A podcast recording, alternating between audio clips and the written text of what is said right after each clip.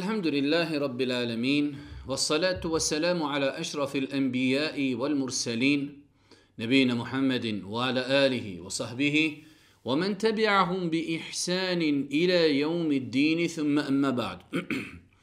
رب اشرح لي صدري ويسر لي أمري واحلل عقدة من لساني يفقه قولي.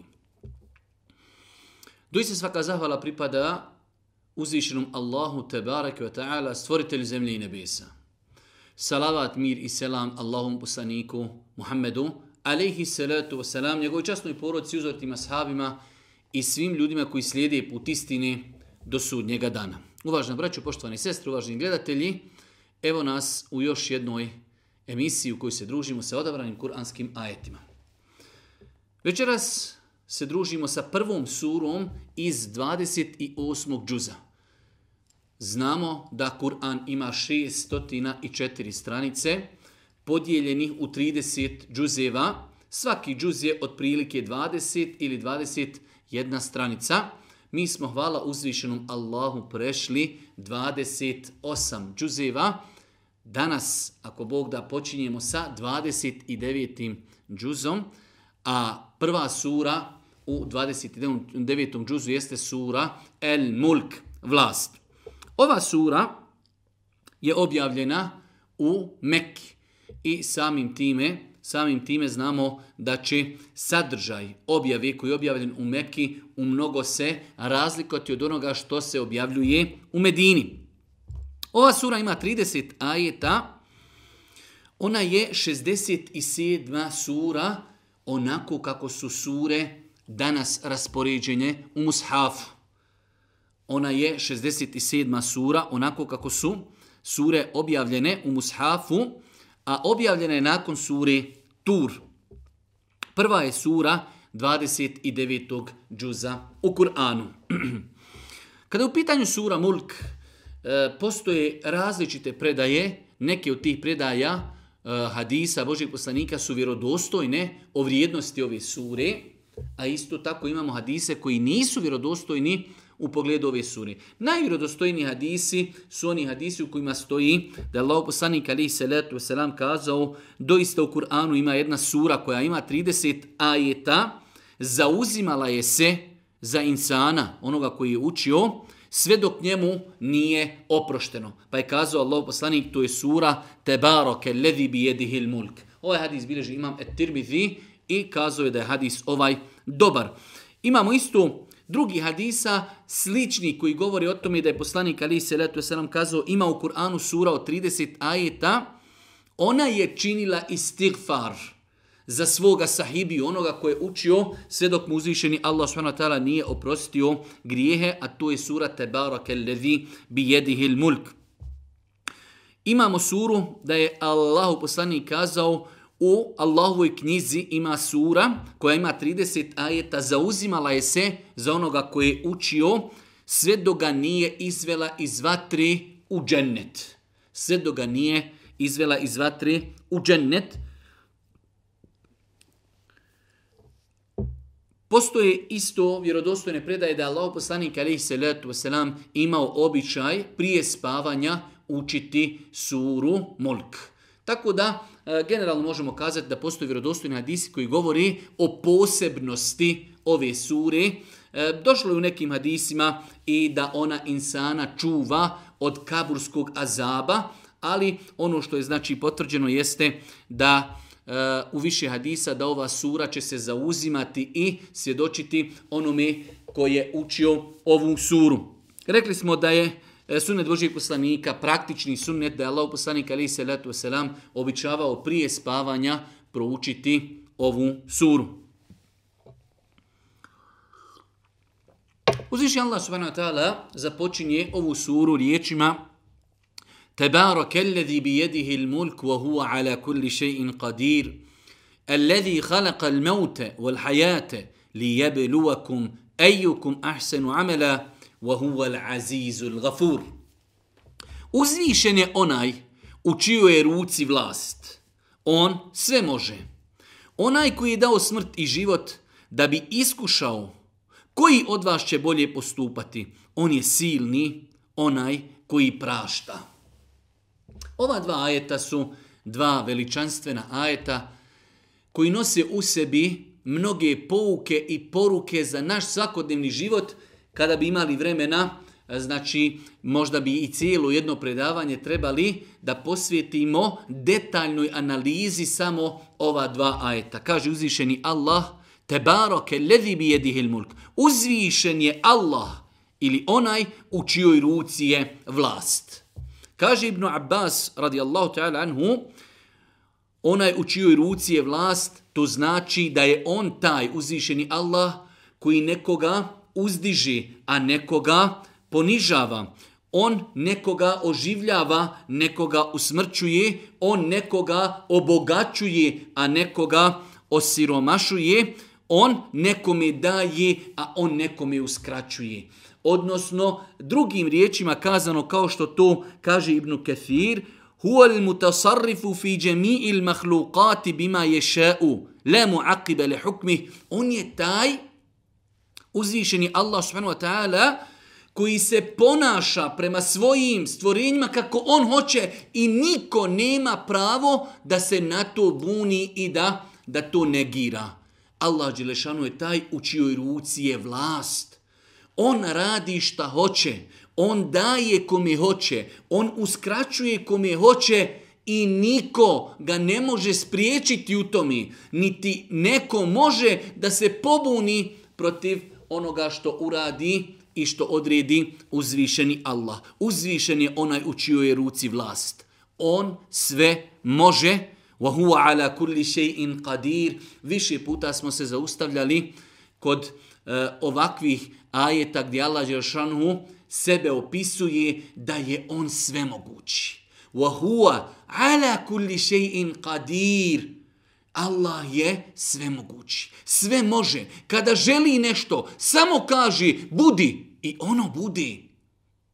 Sve je pokorno uzvišenom Allahu subhanahu wa ta'ala, gospodaru zemlje i nebesa. Pa ovakvi ajeti, kada čovjek razmisli o njima, kada e, dokući njihovo značenje, kada se prepusti ovim ajetima, živjeće sretno, zadovoljno, uživaće bez stresa, bez problema, jednostavno oslonuo se na uzvišenog Allaha. Prepustio je svoje probleme onome koji je sve mogući. Wa huwa ala kulli shay'in qadir. Nama nedostaje doista te spoznaje. Nedostaje nam znanja koje govori o uzvišenom Allahu subhanahu wa ta'ala, o njegovim imenima, o njegovim svojstvima, o njegovoj uzvišenosti.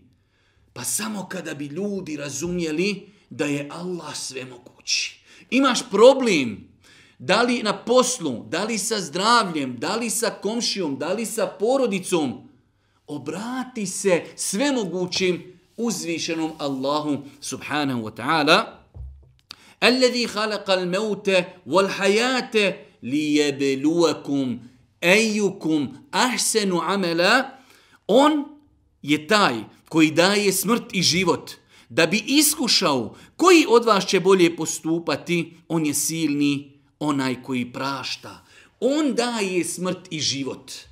Ljudi su bili ništa, pa ih je Allah stvorio, pa će ih On usmrtiti, pa će ih On proživjeti, pa će njemu račune polagati. On im je dao slobodnu volju, dao im je razum, da razumiju dokaze, Uzvišeni Allah je apsolutno savršen. Nelogično bi bilo da sutra na sudnjem danu polažemo račun za ono što smo radili na Dunjaluku, a mi nismo imali slobodnu volju. Da smo mi bili hipnotisani. Ne. Hoćeš u birtiju? Bujrum. Hoćeš u džamiju? Bujrum. Hoćeš zarađivati na haram? Bujrum. Hoćeš na halal? Bujrum. Hoćeš činiti grijehe? Bujrum hoćeš činiti pokornosti bujrum, ali odgovarat ćeš zato. Zato uzvišeni Allah Žešanu kaže Ejukum ahsenu amela. On je dao smrt i život da bi vas iskušao ko će se ljepše i bolje ponašati, čija dijela će biti bolja. Pazite, nije ovdje kazano što je mnogo bitno.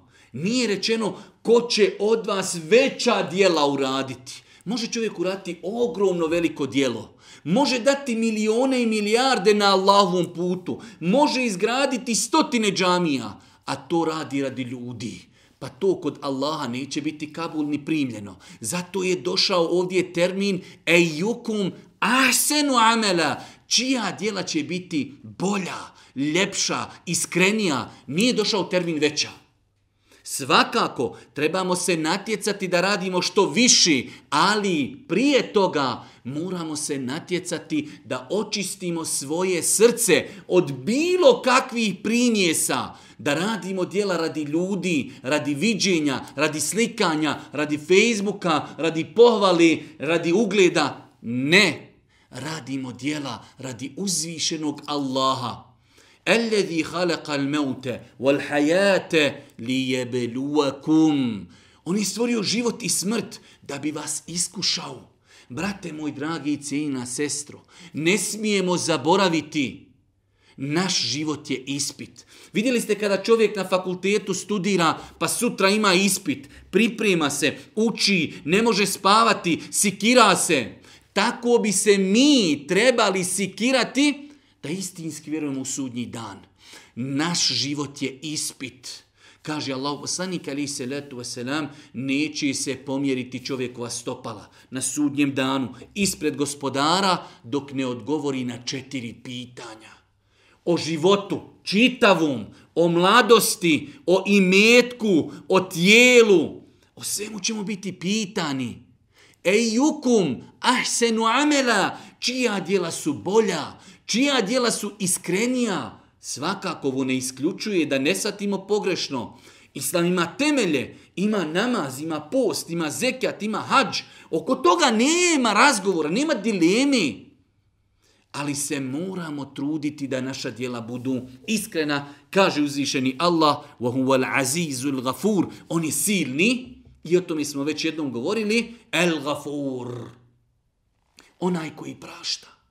Naš gospodar, njegova milost je tolika da su njegova vrata pokajanja nama uvijek otvorena. Možemo se vratiti svome gospodaru uvijek. Bez obzira, čovjek može biti nemusliman 60 godina, 70 godina i kaže, ja bi se vratio. Ima li za mene šansi? Ima šansi. Bujrum, vrati se, pokaj se, kao što je se pokajao onaj čovjek koji je spomenuo Allahu poslanik, koji je ubio stotinu ljudi, pa je otišao učenjaku, kaže, ima li mogućnosti da se pokajem? Ma kaže, ko te spriječava? Bujrum, vrati se, pokaj se. Zašto? Jer je Allah el gafur. On oprašta. On je ar-Rahman, ar-Rahim, milostiv, prima teubu, prima pokajanje oni koji se vrati. Ovo nije poziv na grijehe, ovo je poziv da ostavimo grijehe. Mi imamo problem, naš mentalitet. Ako je čovjek u datom momentu pogriješio, mi više volimo da ostane u grijehu nego da se vrati. Neki dan razgovaram sa svojom dječicom o ovom momentu. Malehna dječica, pa ih pitam, je li sine bolji da čovjek ostane u grijesima ili da se vrati Allahu? Pa kaže, bolje je babo da se vrati Allahu da se pokaje. Dječica to razumiju, ali mi, stari, klipani, to ne možemo progutati. Ako je jednom bio u jarku, neka ga čitav život. Ako je jednom bio u kafani, neka ga čitav život. Ama tobe jarabi, šta nam je? Ostavimo ljudima mogućnost da se vrati, da okrenu bijelu, novu stranicu u svom životu. Zašto? Jer je Allah el gafur. Oprašta. Prelazi preko loših postupaka svojih robova Kome? Onima koji se pokaju, koji ostave grijehe, koji odluče da se neće više vratiti i koji se iskreno u srcu zažale i pokaje zašto su to radili. Pa ovaj ajet i ova dva ajeta znači nosi u sebi mnoge koristi. Oni definišu nešto što danas treba planeti, nešto što treba Americi, Australiji, Evropi. Ljudi ne znaju zašto žive. U toj trci za Dunjalukom ljudi su se spustili nekad na nivo koji je niži od nivoa životinja. Koliko nepravde danas se radi čovječanstvu. Zašto? Jer ljudi ne vjeruju u Allaha. Ne vjeruju da će račune polagati. Ne vjeruju da je svrha našeg postojanja na Dunjaluku robovanje Allahu. Ne robovanje strastima, ne robovanje imetku. Nažalost, danas velik broj ljudi na planeti robuje šeitanu. Robuje svojim prohtjevima. Robuje strastima robuje i metku, za imetak će sve dati, za strasti će sve dati, šeitana će u svemu poslušati. Pa ovaj ajet, الذي خلق الموت والحياة ليبلوكم أيكم أحسن عملا stvorio je život, stvorio je smrt da bi vas iskušao. Brate, sestro, naš život je iskušenje, ispit, da se vidi kako ćemo proći na tom iskušenju. Nakon toga, kaže uzvišenje Allah subhanahu wa ta'ala govori o svojoj veličini. Da je on taj koji stvorio zemlju i nebesa i zbog toga samo njemu se mogu i badeti činiti. Pa kaže uzvišeni Allah, Alladhi khalaqa seb'a samavatin tibaqa. On je taj koji je sedam nebesa, jedna iznad drugih stvorio, ti onome što milostivi stvara ne vidiš nikakvo, nikakva nesklada. Pogledajte zemlju i nebesa. Kako je sve skladno. Pogledajte mi šta god napravimo. Napravimo raskrsnicu za, za tri minute se ljudi sudare, na semaforu se sudare. Šta mislite da se tako sudaraju zvijezde, mjesec, sunce i tako dalje? Ma tera fi halqi rahmani min tefavut. Pogledaj u nebesa, kaže gospodar, da vidiš ima li kakve mahane, ima li kakvog propusta. Allahu ekber. I ljudima treba dokazivati ima li gospodar. Sunce onoliko sija. Treba ljudima dokazivati da ima gospodar. Pogledamo sijalicu, onu malehnu, kaže, ovo je, ovo je jedan savršeni naš izum. Sijalica. A sunce samo od sebe nastalo. Majka priroda ga dala. La ilaha illa Allah. Koliko čovjek treba biti u dalaletu, u zabludi, koliko treba biti ohol da ne želi da iz onoga što vidi oko sebe svati i nauči da je Allah gospodar zemlje i nebesa. Pa kaže uzvišeni Allah, onaj koji je sedam nebesa, jedno iznad drugi stvorio. Ti onome što milosti stvara ne vidiš nikakav nesklad. Pa ponovo pogledaj, vidiš li ikakav nedostatak. Zatim ponovo, više puta je pogledaj, pogled će ti se vratiti klonuo i umoran. Pogledaj koliko hoćeš puta, jednom u nebo, pa jednom u zvijezde, pa jednom u oblake, pa jednom u sunce, pa jednom u mjesec. Ima li mahani? Ima li kakvi nedostataka? Mi šta god da napravimo, uvijek ima nova serija. Novi auto, novi mobitel, novi zakoni, a amandmani. Kod Allaha nema toga. Stvorio zemlju i nebesa savršeno. Ima li nedostatka? Nema nedostatka. O ti insanu oholi koji ne želiš da svoje čelo spustiš na sežnu pokornosti Allahu subhanahu wa ta'ala. Razgledaj bolan u sebe. Wa fi enfusikum afala. Pogledajte u sebe samoga. Pogledajte kako je Allah stvorio insana Treba li čovjeku drugi dokaz koji ukazuje na veličinu uzvišenog Allaha osim kako je čovjeka stvorio fi ahseni takvim u najljepšim, u najljepšim obliku. Nakon toga kaže uzvišeni Allah وَلَقَدْ زَيَّنَّ السَّمَاءَ الدُّنْيَا بِمَصَابِيحَ وَلَقَدْ زَيَّنَّ السَّمَاءَ الدُّنْيَا بِمَصَابِيحَ وَجَعَلْنَاهَا رُجُومًا لِلشَّيَاطِينَ وَأَعْتَدْنَا لَهُمْ عَذَابَ السَّعِيرِ Mi smo vam najbliže nebo sjajnim zvijezdama ukrasili i učinili da vatra iz njih pogađa šetane, za koje smo patnju u ognju pripremili.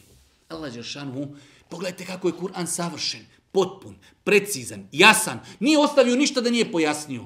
Tamam, zvijezde, vidimo zvijezdu. Hoćemo da znamo šta je uloga, zbog čega je Allah stvorio zvijezde.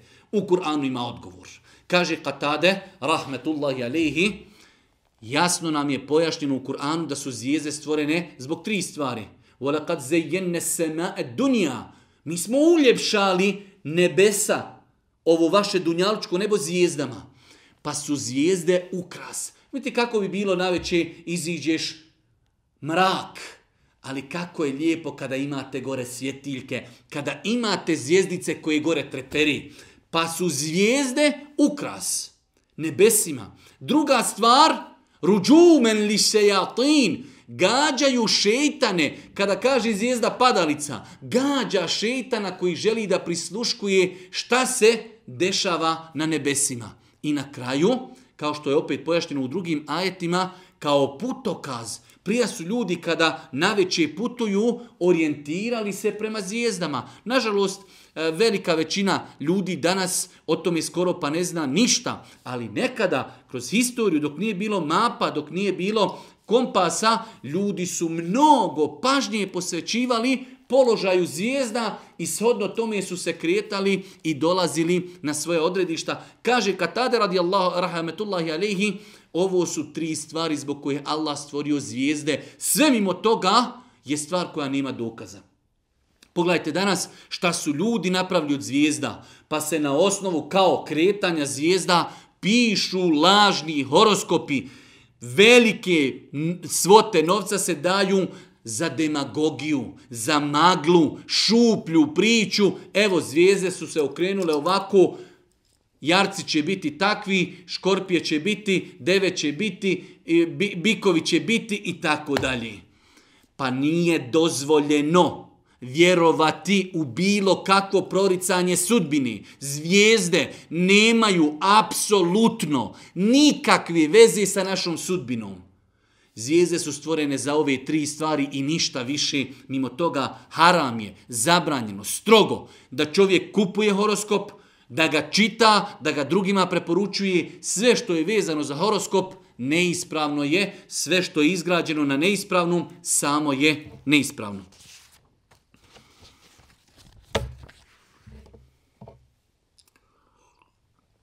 Nakon toga, uzvišnji Allah subhanahu ta'ala govori o nevjernicima. Rekli smo da u Mekki dosta uzvišnji Allah subhanahu ta'ala govori vjernicima, nagradi koja čeka vjernike, Govori o nevjernicima i govori o kazni koja čeka nevjernike koji ostanu nevjernici do kraja svog života. Pa kaže uzvišeni Allah: "Walillezine kafaru bi rabbihim azabu jahannama wa bi'sal masir." A za one koji ne vjeruju gospodara svoga, kazna je džehennem. Užasno je on boravište. Oni koji ne vjeruju. Mi smo više puta pojašnjavali da imamo ljudi koji nisu muslimani i da se u datom momentu ljute i osjete se prozvani to što za njih muslimani kažu da su nevjernici.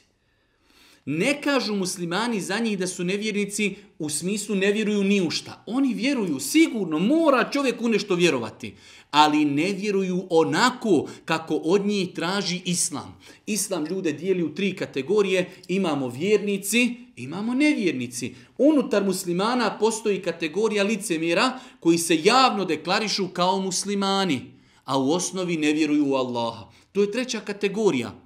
Pa ljudi koji ne vjeruju onako kako im nalaže islam, da vjeruju da je Isa alaih salatu wasalam Boži poslanik i Boži rob, da nema pri sebi nikakvih božanskih svojstava, ako tako ne vjeruju, oni se u islamu smatraju nevjernici, a oni za sebe mogu utvrditi šta god da hoći. Kažu mi smo vjernici, mi vjerujemo u redu. Po islamu vjernik je onaj koji vjeruje onako kako mu nalaže islam sunnet Božijeg poslanika onako kako mu nalaže Kur'an. Pa kaže uzvišeni Allah, a za one koji ne vjeruju gospodara svoga, kazna je džehennem užasnom boravište. Kada budu u njega bačeni, pucketanje njegovo će čuti i on će ključati, gotovo da se od bijesa raspada. Kad god se kojoj gomili, kad god se koja gomila u njega baci stražari, u njemu će je upitati, zar nije niko dolazio da vas opominje? Kada god dovedu jednu novu grupu da je bace u vatru, stražari se čudi. Meleki pitaju, ljudi, pa zar vam niko nije dolazio? Zar je moguće da tolike mase ljudi nisu vjerovale? Je li vam došao nezir? Je li vam došao neko ko vas upozoravao? Jesu li bili poslanici? Je li nakon poslanika bilo u lemi? Jesu li vas ljudi pozivali? Kalu bele. Jeste, dolazili su. قالوا بلى قد جاءنا نذير فكذبنا وقلنا ما نزل الله ما يسو dolazili su ali smo ih mi u lažu tjerivali وقلنا ما نزل الله mi smo govorili ma lažete ništa Allah objavio nije to je ono danas što čujemo Ma kakva vjera, kakav islam, Kur'an je napisao Muhammed, to je neistina. Kalu bela, jesu dolazili, ljudi pozivali, ljudi pojašnjavali, poslanik alihi salatu wasalam dostavio sve i harf, ono što mu je naredio uzvišeni Allah subhanahu wa ta'ala. Pa kaže, jest, dolazio nam je onaj koji nas je opominjao, odgovorići, a mi smo poricali i govorili, Allah nije objavio ništa i vi ste u velikoj zabludi. Fi dalalim mubin, fi dalalin kabir.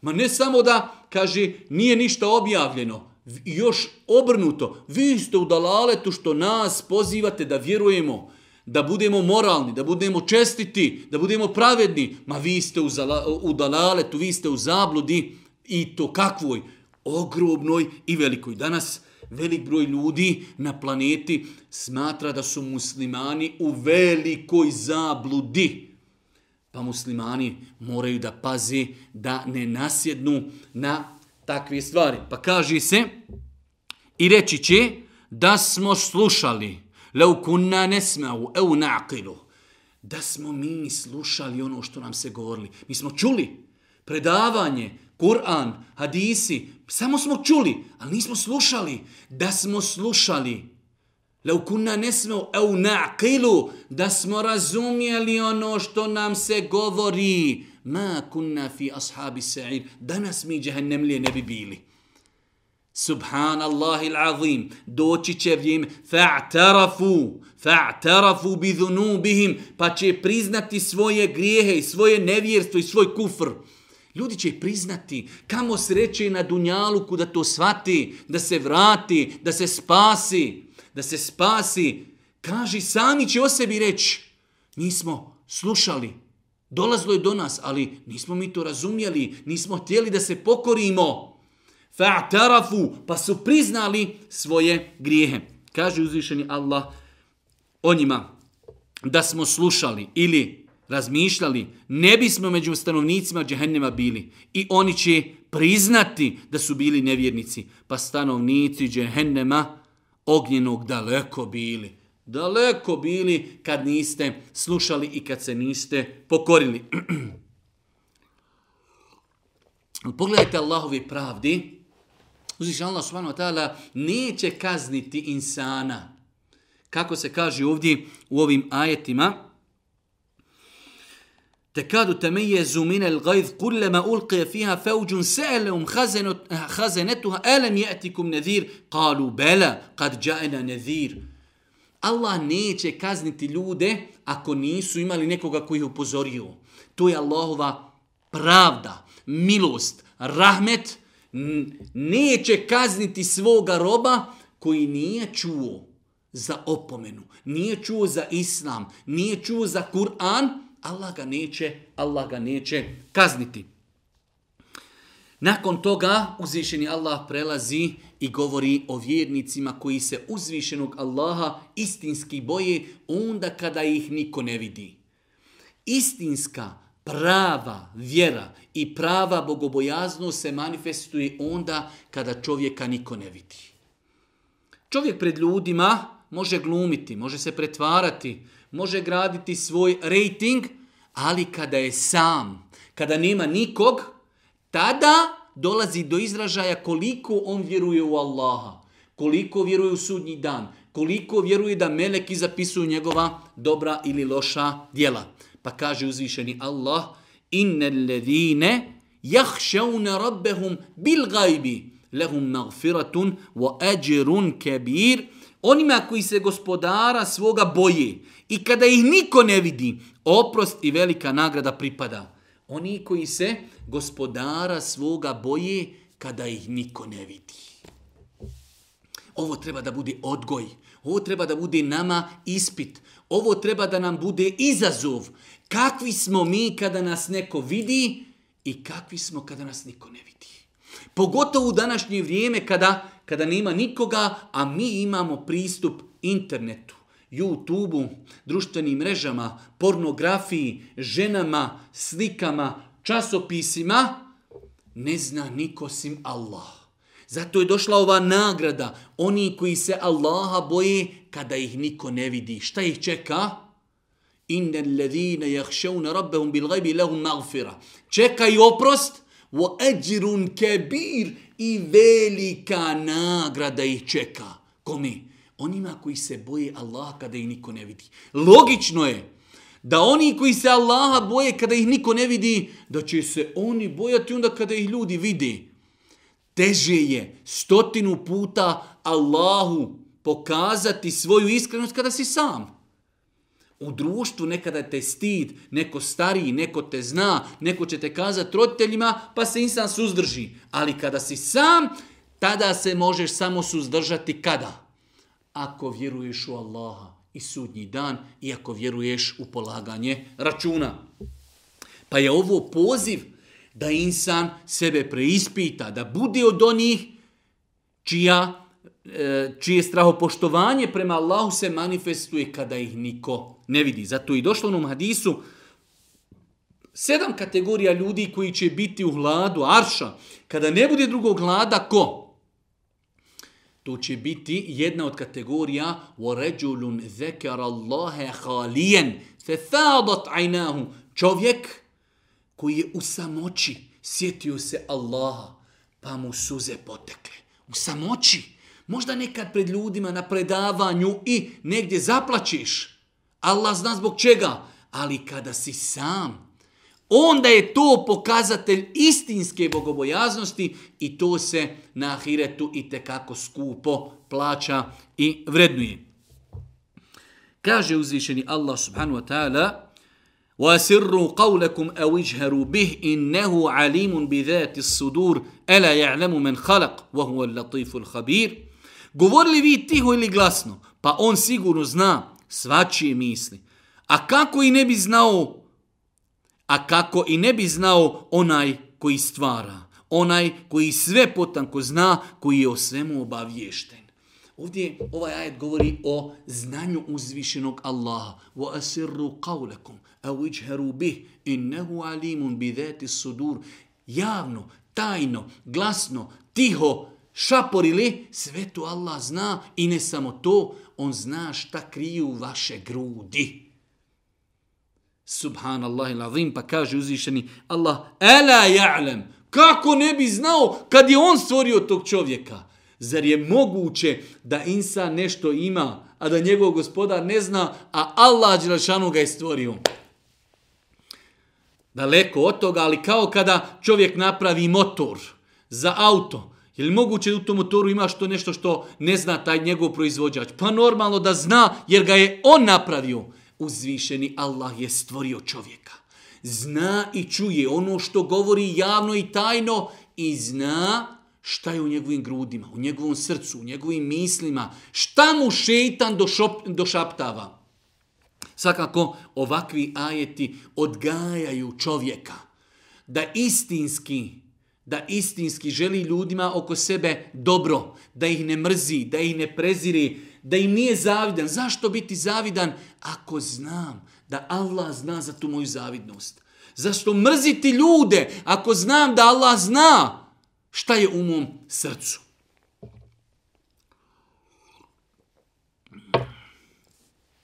Nakon toga, uzvišnji Allah subhanahu wa ta'ala,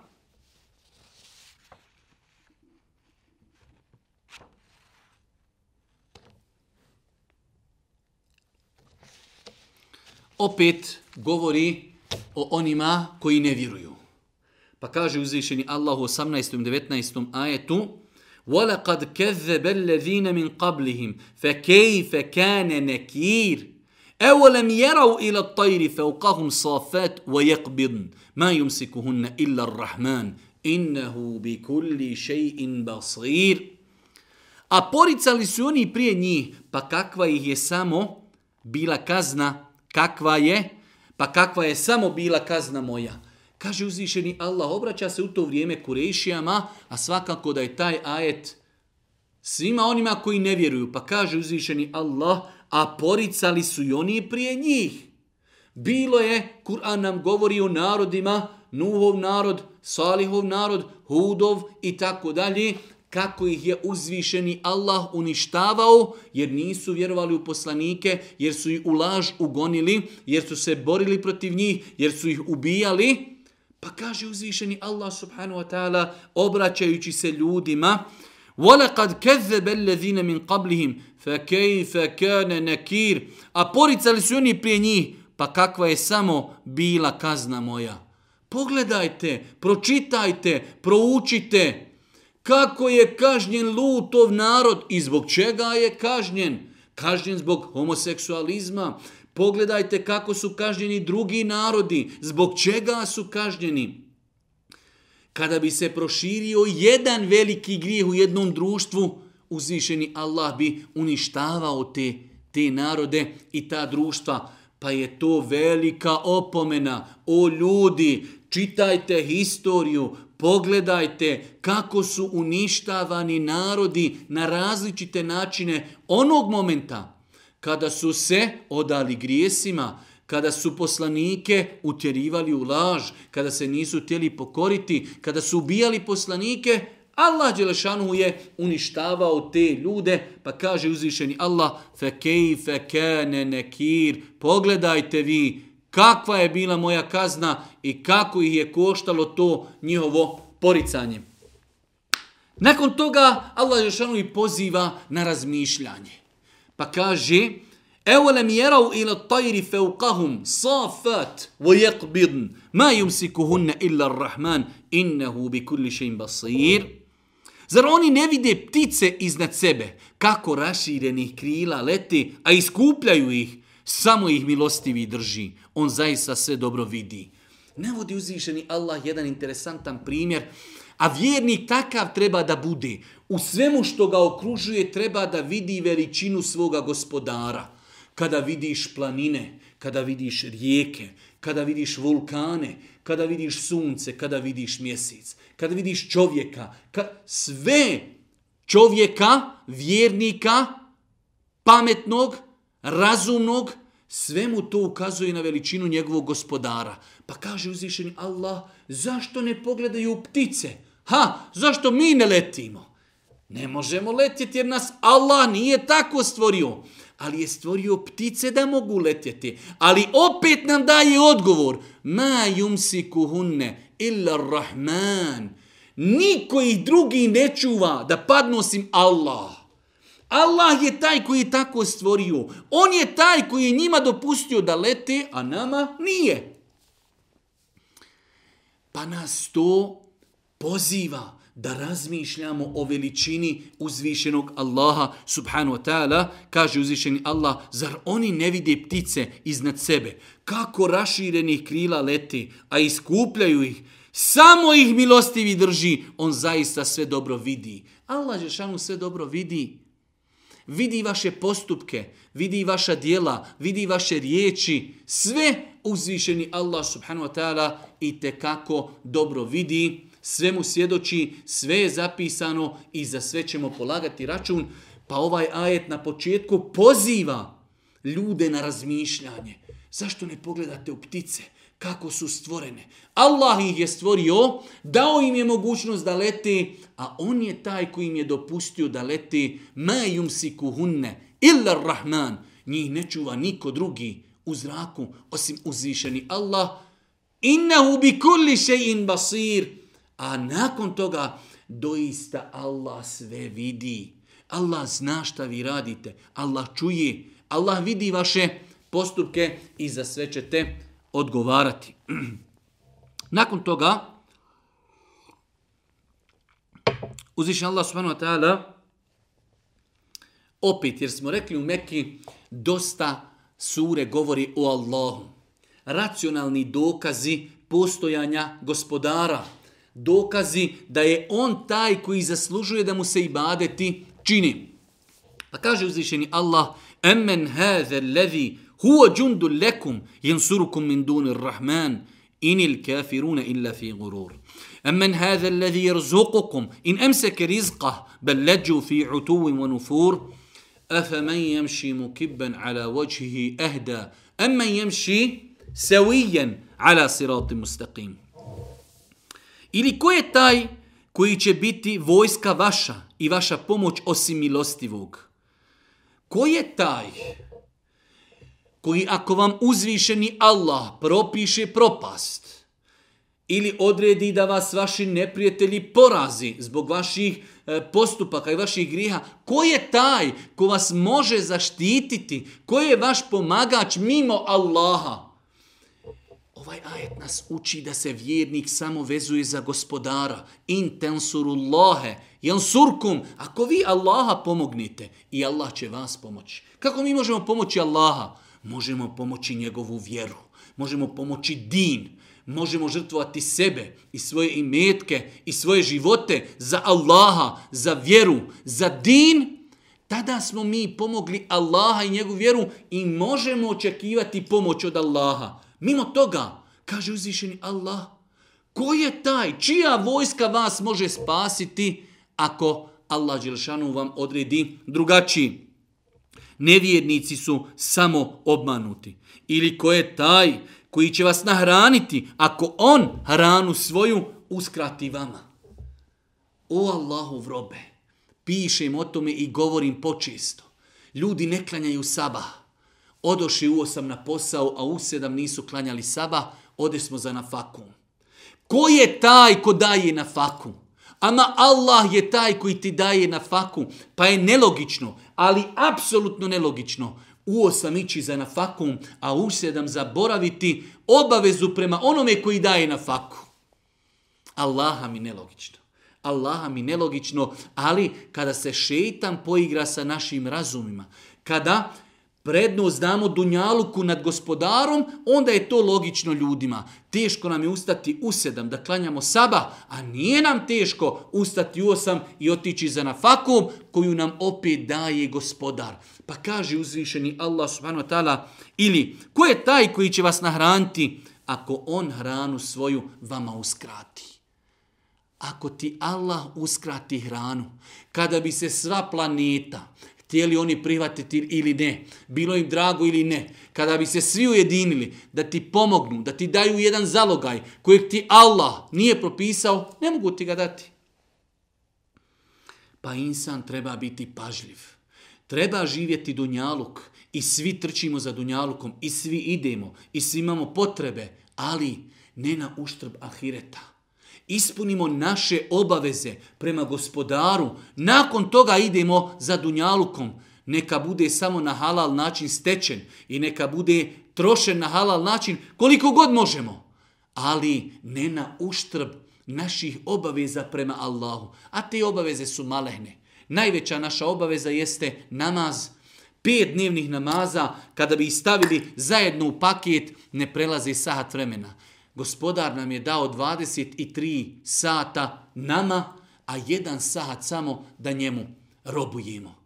Ako ne možemo u svome životu dati jedan sat za svog gospodara od 24 sata u, u jednom danu, onda mi zaista ne robujemo Allahu i mi ne zaslužujemo njegov rahmet, niti njegovu milost, niti zaslužujemo da budemo stanovnici dženneta. Pa kaže uzvišeni Allah, Da li je na ispravnijem putu onaj koji se idući spotiči ili onaj koji pravim putem uspravno ide? Pitanje, Allah Đelšanu postavlja pitanje ljudima, jesu li ista dva čovjeka? Jedan ide ispotiči spotiči se, pada, zapinji, upada, a drugi ide ispravno, uspravno i ispravno. Jesu dva ta čovjeka ista? Nisu. To je primjer vjernika i nevjernika. Vjernik ide po dunjaluku ispravan i uspravan. Zna gdje ide. za razliku od nevjernika, pada, grijesi, šetan, izazovi, dalalet, kufr i tako dalje. Jesu li isti efemen jemši? Jesu li ista ta dva primjera? Ama nisu ista. Na nama je da odaberimo. Hoćemo li biti onaj koji pada, koji potuca, koji pada ili ćemo biti onaj koji ispravno i uspravno ide prema svome gospodaru Allahu subhanahu wa ta'ala.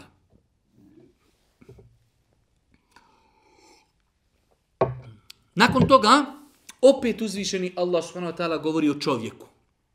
Govori da je on taj koji je stvorio čovjeka, da je on taj koji mu je dao blagodati, ne bi li čovjek razmislio, ne bi li čovjek bio zahvalan Allahu te ta'ala, pa kaže قل هو الذي أنشأكم وجعل لكم السمع والأبصار والأفئدة قليلا ما تشكرون قل هو الذي ذرأكم في الأرض وإليه تحشرون ويقولون متى هذا الوعد إن كنتم صادقين قل إنما العلم عند wa innama ana نذير mubin.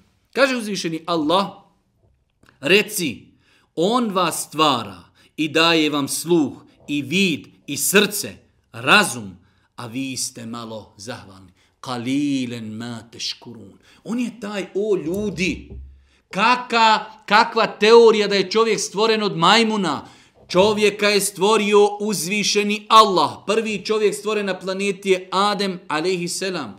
I njegova supruga Hava. Od njih je nastalo čovječanstvo. Jasno, glasno, bez ikakvog uvrtanja.